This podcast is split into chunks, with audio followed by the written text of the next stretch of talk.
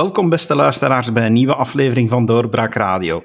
Het is weer tijd voor een politieke analyse en deze week doe ik dat samen met onze hoofdredacteur Pieter Bouwens en met professor Bart Maddes van de KU Leuven. Welkom heren, hopelijk een deugddoende vakantie gehad en klaar voor een nieuw seizoen. Een heel goede vakantie gehad, uh, dank u. Meneer Bouwens, uh, dit weekend was er plaats voor een feestje, feestje bij de NVA, 20 jaar. Uh, hebt u deelgenomen aan dat feestje?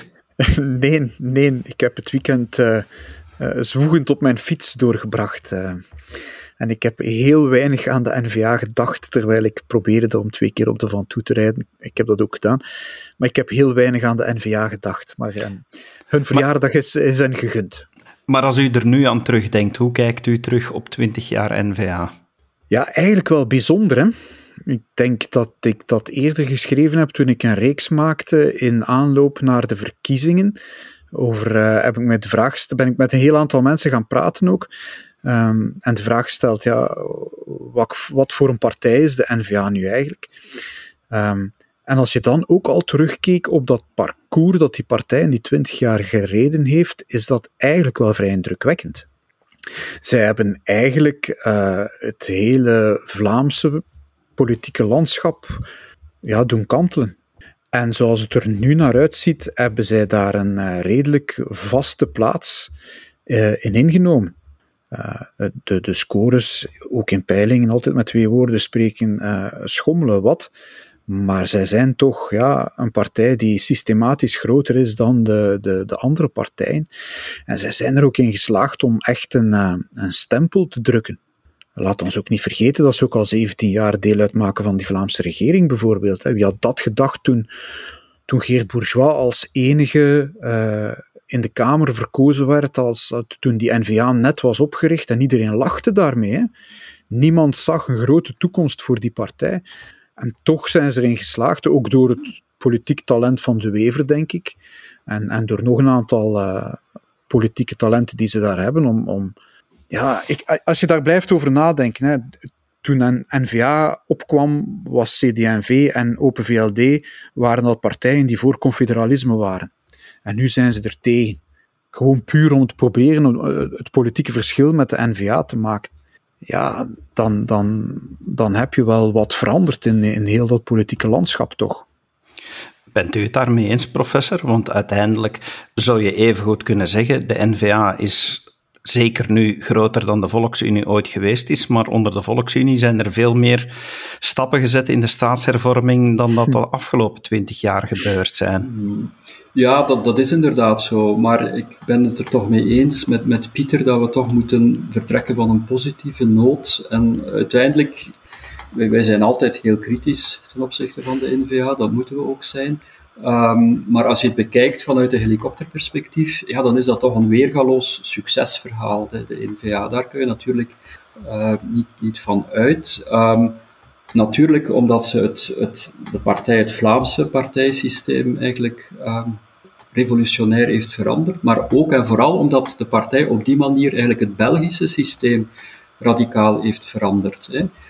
Um, vergeet niet, in 2003 was het nog zo dat, dat bijna 70% van de mhm. kiezers uh, in Vlaanderen voor de traditionele partij stemden traditionele partijen, hè, die, die ook vertegenwoordigd zijn aan de andere kant van de taalgrens. En op die man, dat hield eigenlijk ja, het Belgische systeem samen. Dus die drie traditionele partijfamilies, ondanks het feit dat die gesplitst waren, maar er was nog altijd een band. En, en dat zie je ook, of dat zag je in de verkiezingsresultaten, uh, dat daar een zekere relatie was tussen wat er gebeurde in Vlaanderen en in Wallonië. Hoe grote verschillen natuurlijk altijd geweest zijn, hè, dat, is, dat, dat weten we. Maar er was nog altijd een, een, een zekere connectie. Nu, het succes van de NVA, dus door het feit dat er een partij de veruit de grootste geworden is in Vlaanderen, die geen tegenhanger heeft in Wallonië, heeft er eigenlijk voor gezorgd ja, dat, die, dat die band tussen die twee partijsystemen bijna helemaal verdwenen is. Dus um, je, kunt, het is alsof je, je het Vlaamse partijsysteem zou vergelijken met het Nederlandse of het Duitse. Ehm, dus die verschillen zijn even groot als tussen het Vlaamse en het Franstalige partijsysteem. En dat is natuurlijk de NVA die daarvoor gezorgd heeft, die eigenlijk die, dat, dat Belgische systeem helemaal heeft um, ontwricht door een bepaalde Vlaamse grondstroom politiek te vertolken. Hè, door die verschillen op vlak van publieke opinie, um, op het vlak van verschillende media, door die verschillen eigenlijk politiek zichtbaar te maken. Dat is natuurlijk de verdienste geweest um, van, van de NVA. Um, en dat werkt ja, tot op vandaag nog altijd door. Hè. De vraag is natuurlijk, ja, die ontwrichting van dat Belgische systeem, ja, dat is natuurlijk geen doel op zich. Dat moet natuurlijk eerst of laatst ergens landen. Um, bij, uh, dat moet institutioneel vertaald worden in een verregaande autonomie, hè, waardoor dat de Vlaamse democratie zichzelf kan besturen en de Franstalige democratie ook. En dat is inderdaad heel moeilijk. Hè. En daar heb je een beetje de paradox die je, die je aanhaalt. Hè. Het feit dat de Volksunie altijd veel kleiner geweest is, uh, maar eigenlijk institutioneel, communautair gezien, meer heeft gerealiseerd dan de NVA. Dat is ook niet zo moeilijk, want, want eigenlijk de NVA heeft nog niets uh, gerealiseerd. Maar het probleem daar is natuurlijk dat het, het succes van de NVA, Dieter, uh, Pieter heeft daar straks al naar verwezen, ook heeft geleid tot een grotere communautaire polarisering binnen Vlaanderen. Voor de Volksunie was het natuurlijk gemakkelijker, um, omdat er in de jaren 70, 80, 90 in Vlaanderen een, redelijk brede consensus uh, bestond over het feit ja, dat Vlaanderen meer autonomie moest krijgen, eh, dat er een rechtstreeks, uh, rechtstreeks verkozen Vlaams parlement moest komen, dat de taalgrens moest worden gerespecteerd, uiteindelijk dat Brussel-Halle-Vilvoorde moest worden gesplitst.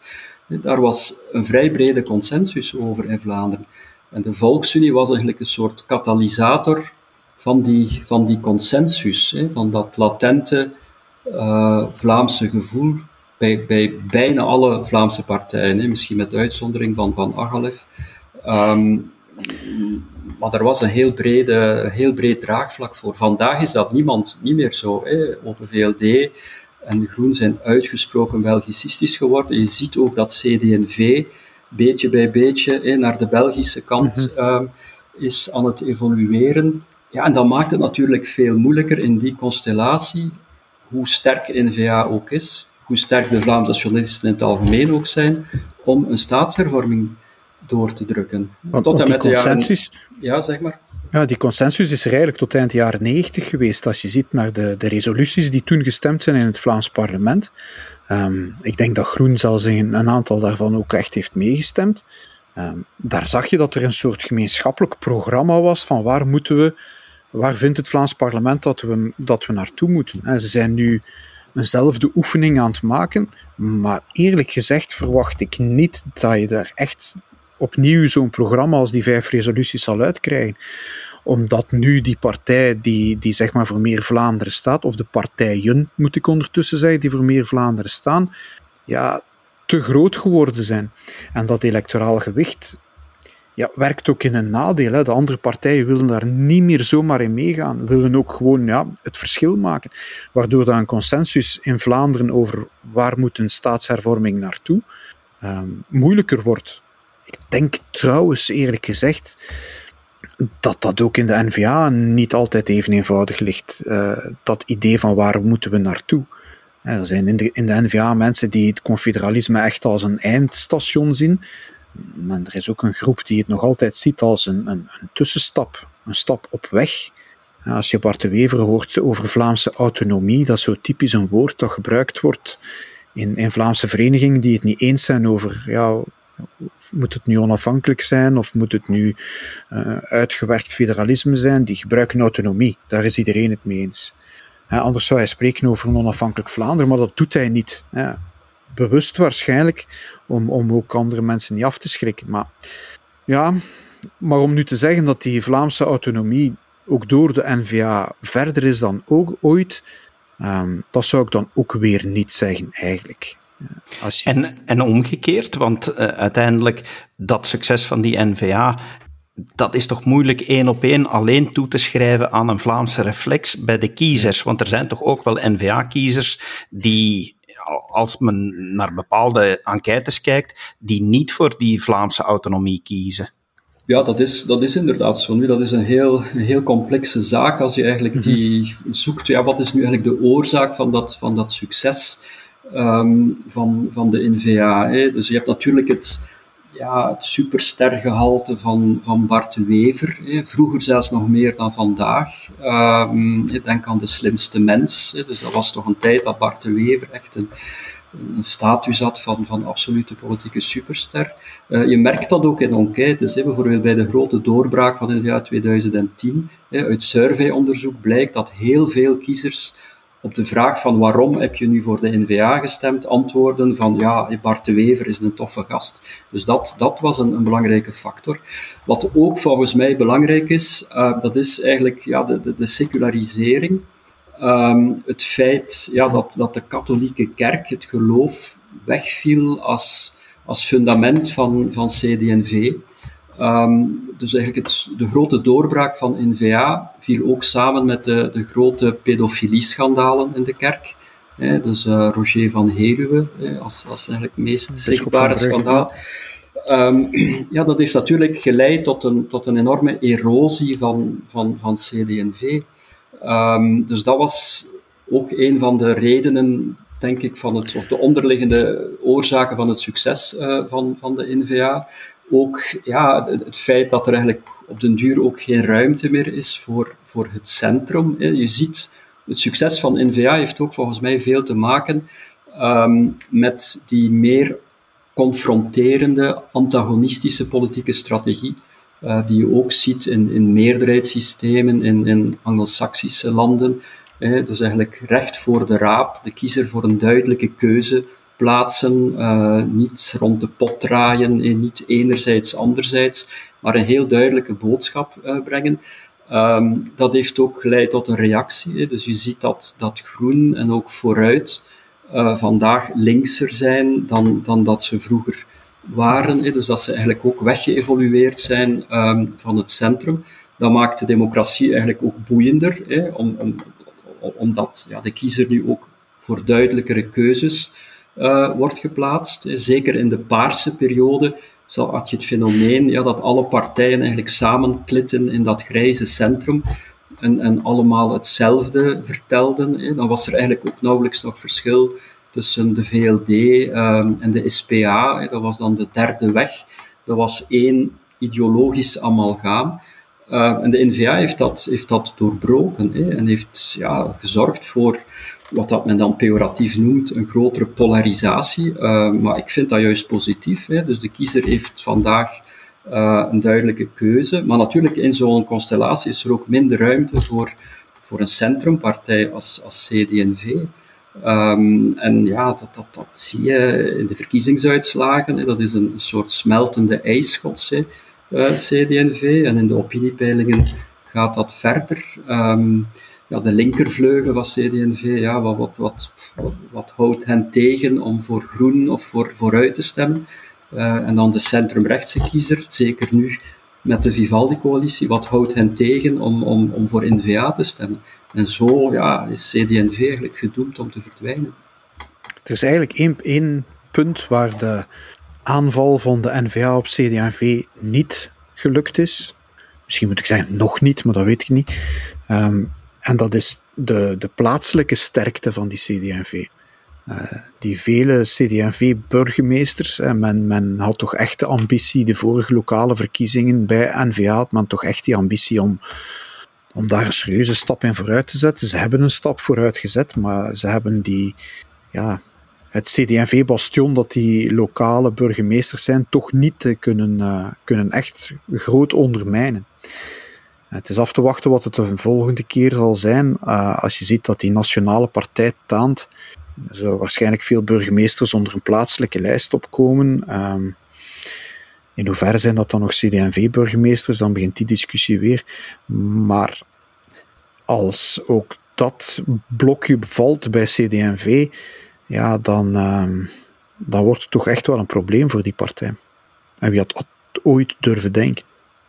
In die twintig jaar NVA heeft zeker voorzitter Bart de Wever vooropgesteld dat uh, het belangrijk was om Vlaams nationale gevoel, om dat terug een plaats te geven, het identitaire een plaats te geven.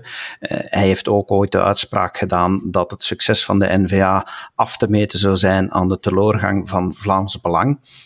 Dat is toch precies niet helemaal gelopen in die twintig jaar zo, zoals verwacht? Nee, goed, eerst wel, hè. Laat ons daar heel eerlijk over zijn. Uh, Vlaams Belang is nu bij de vorige verkiezingen terug opgestaan. Maar tot daarvoor dacht men, ja, NVA heeft Vlaams Belang opgegeten en, en men handelde ook zo. Hè. Vlaams Belang, dat is een kwestie van tijd en die zullen vanzelf verdwijnen en dat bleek helemaal niet zo te zijn. Uh, want ja, ik ben het eens met, met wat professor Madde zegt, maar in mijn idee is, is NVA nu onder, druk van Vlaams Belang wel terug een heel eind naar dat midden opgeschoven. Uh, ze proberen eigenlijk veel meer op het midden nu te werven dan, dan op die rechtse flank, waar ze, ja, ze kunnen niet rechtser zijn dan, uh, dan Vlaams Belang. Dus, dus zie je ze zo'n beetje schuiven uh, ja, richting die CD&V en Open VLD, terwijl die natuurlijk een gat laten door echt naar links te schuiven, zeker in die, in die Vivaldi-coalitie. Dus ja, Vlaams Belang klein krijgen hebben ze niet gedaan. Um, is het Vlaanderen gevoel um, vergroot in al die tijd? Hm. Uh, en, en heeft de NVA daar een rol in gespeeld? Goh, dat is natuurlijk echt heel, daar kan je heel veel verschillende antwoorden op geven. Hè? Maar uh, uh, als je die vraag opnieuw stelt binnen twee weken na het uh, wereldkampioenschap wielrennen, dat uh, in Leuven aan, uh, aan de professor zijn deur misschien passeert, ja, dan zou het wel eens kunnen dat we daar een heel ander antwoord op geven dan vandaag. zullen, mensen zullen rijen dik buiten staan. Um, in, in, in, in de wielerwereld, en dat is niet de verdienste van de NVA, maar de verdienste van enkele Vlamingen die zich daar al tientallen jaren voor inzetten, om overal te, die Vlaamse leeuw te laten wapperen op, op, op wielerevenementen ja, die Vlamingen. Je, je, komt Duitsers, Fransen, uh, Amerikanen tegen die speciaal een truitje met de Vlaamse leeuw op laten maken. Dus internationaal zorgt dat wel uh, voor enige uitstraling van, van, van, van die Vlaamse identiteit, verbonden dan met wielrennen. Maar betekent dat politiek ook iets? Ik zou dat ook niet zomaar onderschatten. Ik heb de tijd meegemaakt toen Vlaams Belang opkwam. Um, en, en de Vlaamse beweging eigenlijk veranderde van een, uh, moet ik dat zeggen, middenklasse, iets wat bourgeois-achtige beweging. En plots kwamen de havenarbeiders daar ook bij. Want die stemden voor Vlaams Belang. En die kwamen mee naar dergelijke manifestaties. Dus je mag zo'n uh, een, een voortrekkersrol van zo'n partij niet onderschatten. Ik denk dat er veel mensen om andere reden voor NVA stemmen, maar dan toch ook via al wat ze binnenkrijgen en horen van die partij, um, ja, toch ook dat idee van, van het Vlaams nationalisme, het Flamingantisme, het, het Vlaamse autonomie, noem het hoe je het wil, dat ze dat ook een deel meekrijgen. En ik zou dus dat effect ook op lange termijn daar niet zomaar van onderschatten, maar misschien is het nu nog te vroeg om daar iets echt over te zeggen. Ja, daarmee ben ik het wel eens. Hè. Dus ik denk het idee, België werkt niet, hè. een mhm. soort fundamenteel wantrouwen tegenover de Belgische constructie dat hij gisteren in Plopsaland ook weer uitgesproken heeft. Oh, ja, ik denk wel dat dat, dat dat geleidelijk aan doorcijpelt in de, in de publieke opinie. Dat wil niet zeggen dat de mensen daarom separatistisch worden of zelfs confederatistisch worden. Die, ze trekken daar ook niet echt institutionele conclusies uit, maar dat is zo een, een latent gevoel. Hè.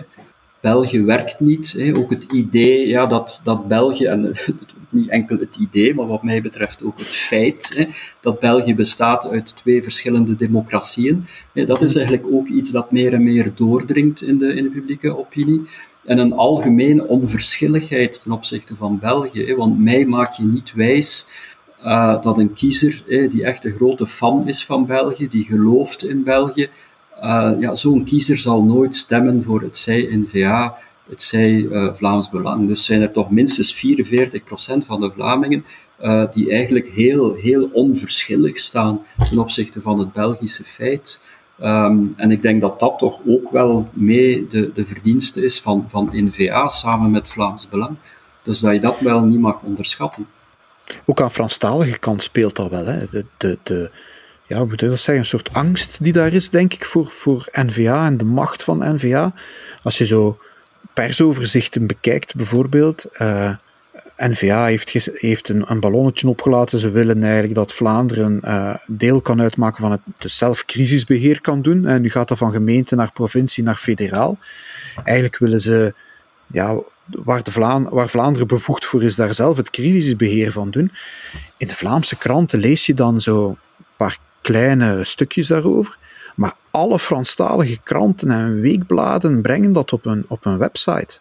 Dus ook daar zie je ja, dat dat wordt ingesleten. Hè, dat idee van ja, meer bevoegdheden, en, en, maar ook die angst voor NVA, die, die, die toch zeer latent is, denk ik, daarin. En ik, vind dat, ik vind dat iets waar ik me blijf op vergapen, eigenlijk. De angst die die, die NVA Franstaligen inboezemt. We hebben hier ook al uiteraard gehad over het feit dat het succes van NVA ook deels het succes is van Bart de Wever en omgekeerd.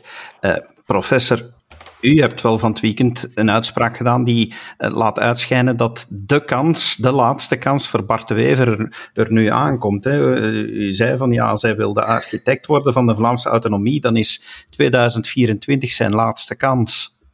Ja, dat vind ik inderdaad ja, nogal voor de hand liggen. Als je, als je dan eens begint te rekenen, dan wat de volgende kans is dan 2029, dus opnieuw vijf jaar later. Um, ja, dan, dan lijkt mij toch al de kans reëel dat de, de houdbaarheidsdatum van, van Bart de Wever voorbij is en dat hij ja, dat, dat geen voorzitter meer zal zijn, niet meer aan de stuurknuppel van de partij zal, zal zitten. Hè. Um, ik, denk dat zo de meeste NVA's dat, dat, dat ook wel zo aanvoelen. Hè. Ja, je kunt dat ook niet, niet eindeloos blijven rekken, uh, dat, dat voorzitterschap. Hè. Dus um, na 2024 zal, zal er toch iemand anders moeten komen uh, om, om voorzitter te worden. Um, ja, ik denk ook wel, een andere, een andere insteek is natuurlijk in 2024. Ja, of, oftewel zullen de Vlaamse nationalisten uh, erin slagen om het land uh, in de juiste plooi te leggen. Hè, om dus echt die, wat dat de NVA dan noemt, die systemische uh, hervorming door te duwen, dankzij een sterk verkiezingsresultaat. oftewel zal dat niet lukken. Hè, en als dat niet zal lukken, ja, dan, dan vrees ik dat we zijn vertrokken naar een soort Belgische restauratie, dan met natuurlijk als orgelpunt de 200ste verjaardag van België in, in 2030. Um, en ja, dat, dat, dat, dat we dan in feite uh, in een heel andere richting zullen aan het, aan het evolueren zijn. En dus als we die wissel, ja, als, als de NVA die wissel eh, nog wel van richting veranderen, dat dat toch wel in 2024 zal moeten gebeuren via een, een, sterke verkiezingsuitslag van de Vlaamse Journalist. Ik weet niet of het jullie eigenlijk opgevallen was, was maar er was wel één prominente CD&V'er in beeld tijdens de, de, de, het verjaardagsfeestje in Plopsaland. Hebben jullie opgevallen? Nee? Walter de Donder. was, was, was regelmatig aanwezig in beeld. Meneer de burgemeester.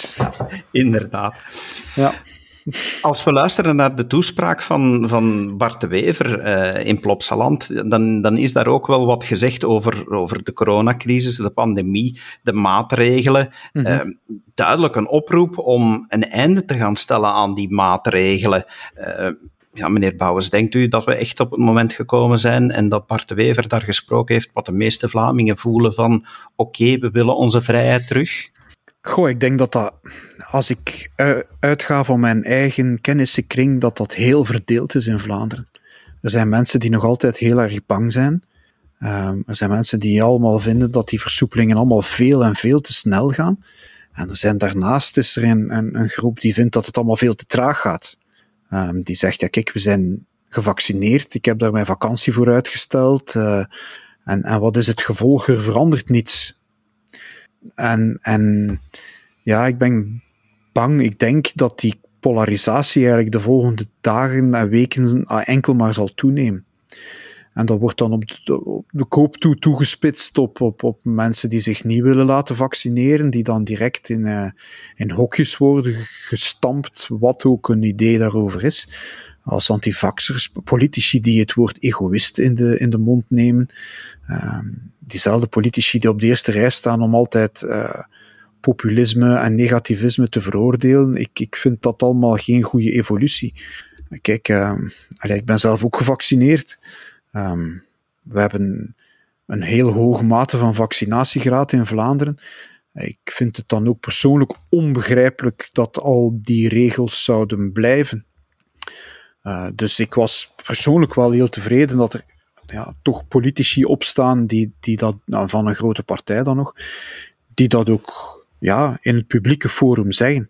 Maar als je, ziet dat, als je ziet dan wat de volgende dagen in de media uh, het gevolg is, uh, rollen ze over elkaar om ons te overtuigen van het feit dat het toch nog allemaal nodig zal zijn om mondmaskers te dragen en zelfs nog meer. En we krijgen een moeilijke herfst, dat weten we nu al. Maar ja, als we allemaal gevaccineerd zijn, wie gaat dan nog ziek worden, is mijn vraag. En waarvoor doen we het dan? Ik dacht dat de reden was om te zorgen dat de ziekenhuizen in, Vlaanderen niet overbelast zouden worden. Volgens de informatie die ik heb, is dat ook zo. Zijn ziekenhuizen zelfs boos omdat ze plaatsen moeten vrijhouden voor COVID-patiënten die nooit zullen komen? Uh, dus denk ik persoonlijk dat het tijd wordt uh, dat we terug ja, weg kunnen naar een open, vrije samenleving zoals we die gekend hebben. Professor, bent u het eens dat die coronamaatregelen nog kunnen eh, wel doorgevoerd worden in Vlaanderen? Dat de politiek zou zeggen: oké, we blijven bij, bij de COVID-7 of de coronapas uh, in Vlaanderen ook, terwijl er ja, in Vlaanderen inderdaad een hoge vaccinatiegraad is en het probleem net in andere deelgebieden ligt?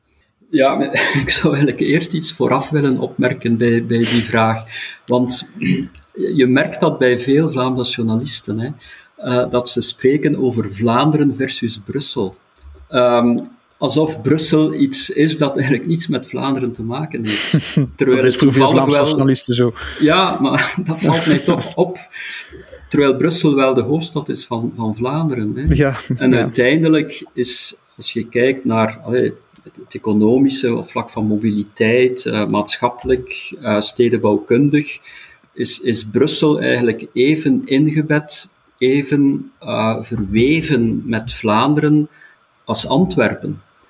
Dus Brussel is in al die opzichten evenzeer een Vlaamse stad. Dus eigenlijk, om correct te zijn, zou je moeten zeggen, er zijn vandaag in Vlaanderen twee steden die achterop blijven in zaken vaccinatie. Ja, dat is in de eerste plaats Brussel en weliswaar in veel mindere mate Antwerpen. Dat is denk ik vanuit Vlaams nationaal oogpunt de correcte manier uh, om daar naar te kijken. Maar niemand doet dat. Hè? En de, de, meeste mensen die, die mij bezighouden, zullen dat waarschijnlijk heel, heel wereldvreemd vinden. En wellicht is dat ook wereldvreemd. Maar dat, is, dat illustreert toch ja, hoe, hoe diep die kloof geworden is, mentaal, tussen, tussen Vlaanderen en, en, en Brussel. Uh, en natuurlijk het probleem, ja, als je dan kijkt in, in Vilvoorde, dat daar zo'n soort spillover effect is, dat men dan zegt van ja, we moeten dan ook in Vilvoorde die, die, die, die pas invoeren. Ja, dat komt natuurlijk om, om, omdat Vilvoorde eigenlijk stedenbouwkundig vergroeid is uh, met Brussel. Hè. Tussen Brussel en Wallonië, dat is nu niet echt ver, maar, maar daar is, dat, dat, dat, dat, is wel wat afstand tussen. Um, maar op veel plaatsen, ja, de grens tussen het Brussels gewest en het Vlaams gewest, ja, dat is maar kwestie van de straat over te steken. Uh, maar dit, dit eventjes uh, terzijde, maar dat stoort mij wel, allee, dat, dat zelfs Vlaamse journalisten altijd spreken over Brussel, alsof dat, dat zo iets is waar we eigenlijk niets mee te maken hebben. Um, maar bon, dan um, ten, ten gronde, ja, ik denk het idee hè, dat soms wordt geopperd in de media, alsof dat, dat die crisis nu voorbij is, dat, dat we nu overgaan naar de orde van de dag. Ja, ik denk wel dat dat een illusie is. Dus als je kijkt naar wat de actualiteit nog altijd beheerst in de media, in de politiek, ja, dan, dan is dat jammer genoeg nog altijd uh, corona. En soms denk ik ja, dat er een aantal mensen zijn die daar ook wel belang bij hebben. Dat dat uh, de politiek blijft domineren, want um, de keer dat dat weg is, uh, ja, dan zijn het de moeilijke dossiers die bovenkomen. Uh, ja, dan, zal duidelijk blijken wat voor soort kabinet dit in feite is Vivaldi, uh, kibbelkabinet 2.0. Ehm, maar zolang ja, COVID daar blijft als een soort mistgordijn, um, kan men dat dan een beetje, een beetje verbergen. Maar tegelijkertijd is het ook zo, ja, Pieter heeft al gezegd, natuurlijk in, in de samenleving voel je heel duidelijk dat nog altijd die, die angst bestaat. Men heeft uiteindelijk anderhalf jaar lang de mensen de stuipen op het lijf gejaagd. Ehm, en ja, dat is nu niet, niet zomaar een kwestie van we gaan die knop een keer omdraaien en dat is weg. Hè. Dus die angst blijft zeer sterk aanwezig. Hè. Dus iedereen merkt dat wel, ehm, denk ik, in, in, in, zijn of haar kennissenkring. Um, zeker oudere mensen, ja, die, die, die blijven nog altijd in hun kot. We hebben het ook gezien nu op de, de, de manifestatie van de Vlaamse Volksbeweging zaterdag. Dus men had gehoopt uh, ja, dat, dat de Flaminghamten zaten te popelen om nog een keer buiten te komen, om nog een keer te manifesteren. Um, ja, daar was eigenlijk niet zoveel volk, dat was geen zo'n groot uh, succes, omdat zeker die, dat oudere publiek is, is nog altijd heel, heel bang. Zelfs de concerten van Clouseau raken niet, niet uitverkocht. Um, Dus ja, die, die, die angst blijft, uh, blijft nog altijd. Um, en dan kom je natuurlijk bij heel die problematiek van die, van die coronapas. Um, in mijn ogen, waar we nu naartoe aan het evolueren zijn, dat is het, het slechtst mogelijke beleid. Hè. Aan de ene kant zegt men, het is niet verplicht om u te vaccineren, dus je hebt het recht om u niet te vaccineren. Maar aan de andere kant neemt men allerlei maatregelen, pestmaatregelen eigenlijk, om ervoor te zorgen dat zoveel mogelijk mensen zich wel laten vaccineren. Men pest eigenlijk degenen die zich niet laten vaccineren. En dat vind ik eigenlijk ja, een, een, een verwerpelijk beleid. Hè. Het is oftewel het een of het ander. Uh, oftewel zeg je van we laten de mensen vrij, um, oftewel zeg je van we gaan iedereen verplichten. Maar zo die schemerzone daartussen van er is een vrijheid op papier om u niet te laten vaccineren, maar dan is, zoals Frank van den Broeke het zei, ja, dat is dan wel oké dat mensen die ervoor opteren om zich dan niet te laten vaccineren, die eigenlijk gebruik maken van die vrijheid, dat is dan oké dat die dan een aantal andere vrijheden verliezen. En dan moet je toch stil aan de vraag stellen, ja, waar zal dat eindigen? Hè? Uh, dus al diegenen die zich niet laten vaccineren, ja, die kunnen al niet meer eh, normaal op café of op restaurant gaan of naar een evenement gaan. Vandaag is er dan sprake van eh, dat die ook niet meer mensen zouden kunnen bezoeken in een ziekenhuis. Eh, als, u, als uw moeder op sterven ligt, bij wijze van spreken, je bent niet gevaccineerd, ja, dan kun je er niet bij. Uh, hetzelfde met woonzorgcentra. Dus dat gaat toch eigenlijk wel heel ver. Waar zal dat eindigen? Hè? Op den duur gaan die niet gevaccineerden, zoals in de middeleeuwen, moeten rondlopen zo met een ratel, hè? zo van meelaats, meelaats, niet gevaccineerd, niet gevaccineerd. Ik vind dat eigenlijk heel, um, heel problematisch. Hè? Ik, ik, voor alle duidelijkheid, allee, ik, ik, vind het dom om u niet te laten vaccineren. Hè? Dus um, de, de enige verstandige rationele keuze is een keuze om u te laten vaccineren. Hè. Dus daar, wat mij betreft mag daar geen twijfel over bestaan. Ik, ik ga dan ook de mensen proberen te overtuigen om zich toch te laten vaccineren, om dus die verstandige keuze te maken. Maar tegelijkertijd, ja, is er ook zoiets als een, recht op domheid. Hè. Uh, en oké, er zijn mensen die om allerlei redenen zich niet laten vaccineren, allerlei, vaak emotionele redenen, nogmaals, dat is, dat is dom. Maar ja, zolang dat dat hun recht is, ja, zolang dat dat niet verplicht is, ja, moet je dat eigenlijk respecteren, uh, vind ik. En als zou blijken, want men heeft altijd gezegd, hè, een, een, een, vaccinatiegraad van 70% is eigenlijk voldoende. Hè. Dat, dat, dat was mhm. altijd het discours vorig jaar. Hè. Vandaag zitten we aan, aan een 72% volledig gevaccineerden in België. dat is eigenlijk heel hoog. dus die, dat, die doelstelling van 70% hebben we, hebben we gehaald. Hè. En in Vlaanderen uh, nog hoger. En in Vlaanderen nog hoger. Hè. In Vlaanderen zitten we aan, aan 78 uh, procent. En nu zegt men van ja, maar dat is niet genoeg. Hè. Omwille van de Delta-variant enzovoort, dat moet, dat moet nog hoger zijn.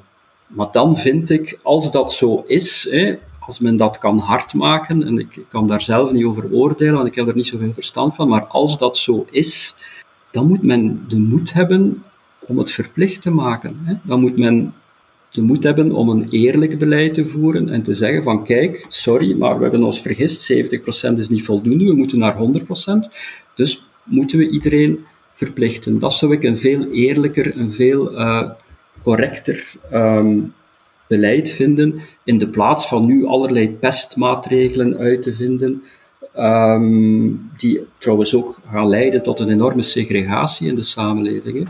Je, je, je, plaatst eigenlijk een hele groep mensen, 30% van uw bevolking, plaatst je buiten de samenleving. Die mogen, die mogen niet meer op café, op restaurant, die mogen niet meer naar evenementen, die, die mogen niet meer uh, naar ziekenhuizen, woonzorgcentra. Dus dat gaat eigenlijk heel, heel ver. Uh, nu, we zijn, voorlopig is het enkel Brussel, hè. Uh, dus we zijn nog niet zo ver, gelukkig in Vlaanderen en Wallonië, maar je voelt dat dat geleidelijk aan opschuift. Hè. En dan is natuurlijk hier opnieuw het, het klas, de klassieke metafoor van de kikker uh, die gekookt wordt hier van ja. toepassing. We hebben dat al zo vaak, die vergelijking gemaakt, maar je voelt dat eigenlijk beetje bij beetje opschuiven. Um, en je voelt ook ja, dat een grote meerderheid van de bevolking dat ook leidzaam ondergaat hè, en eigenlijk niet, niet protesteert daartegen. En dat vind ik eigenlijk heel griezelig. Het is toch op, opmerkelijk hoe gemakkelijk eigenlijk fundamentele rechten op, op, en, en vrijheden eigenlijk opzij worden gezet. Hoe makkelijk mensen akkoord gaan en zeggen, ja, ik vind het normaal dat je daar allemaal een pasje voor nodig hebt. Terwijl als je daar dieper over nadenkt, en, en, en zoals je zegt, hè, het gaat alsmaar verder. Het sluipt en het schuift alsmaar verder. En, we vinden alsmaar meer beperkingen van de vrijheden die we eigenlijk hebben, vinden we alsmaar normaler. Um, maar goed, uh, naar ik me laten vertellen heb, kan het vaccin op dit moment niet verplicht worden, gezien het eigenlijk nog geen definitieve goedkeuring heeft. En zou daar natuurlijk een, een deel van het probleem liggen, zolang dat eigenlijk een, een vaccin is dat niet definitief goedgekeurd is, maar eigenlijk nog in een testfase zit, zij het een heel late testfase, en met wel een heel uitgebreid testpubliek. Um, zou het volgens allerlei conventies en dergelijke niet kunnen verplicht worden? Of zou zo'n dergelijke wettelijke verplichting nooit stand kunnen houden voor een, uh, voor een rechtbank? En zit, zit je daar met het probleem? Of zou je kunnen zeggen, gelukkig dat onze, onze regering zich ook aan haar eigen wetten en, en uh, conventies moet houden. Maar ik kijk er toch ook met stijgende verbazing naar. En, en je ziet dat toch een aantal mensen, professor Hendrik Vuij tweeten denk ik uh, van de week nog. Van misschien uh, moeten ze oproepen om, om mensen die niet gevaccineerd zijn, met een, en dat ze een verplichting kenteken op hun jas moeten naaien. dus dan, zoals met de ratel. Nee, allee, ik ken een aantal mensen die niet gevaccineerd zijn en um, die hebben daar allemaal een eigen reden voor. En ik heb daar respect voor. En zij zijn ook, ja, geen, zij weten, kijk, dat ze zelf een risico lopen. En ze zeggen zelf ook, ja kijk, wij zijn geen vragende partij om extra maatregelen. Uh, wij hebben onze beslissing genomen en zijn perfect in staat om daar de consequenties van te nemen. En ik vind dat je de volwassenheid van de vrijheid van de mensen moet respecteren. Ik denk dat we zullen afwachten wat er vrijdag wordt beslist op het overlegcomité en dat we dan wel zullen zien of de Nog vrijheden ja, of de vrijheden verder worden aangetast. Ik ben alleszins zeker dat we ons de vrijheid niet gaan laten afnemen om podcasts op te nemen. Uh, meneer Bouwens, professor Maddes, dank jullie wel dat jullie uh, aan deze vrijheid blijven deelnemen. En ik zie jullie graag, of ik hoor jullie graag binnen twee weken terug. En u, beste luisteraar, dank u wel dat u geluisterd hebt. En graag tot een volgende keer. Dag. Dit was een episode van Doorbraak Radio de podcast van doorbraak.be. Volg onze podcast op doorbraak.be/slash radio of via Apple Podcasts, Overcast of Spotify. Bezoek ook onze website op doorbraak.be en steun ons door een vriend te worden van Doorbraak.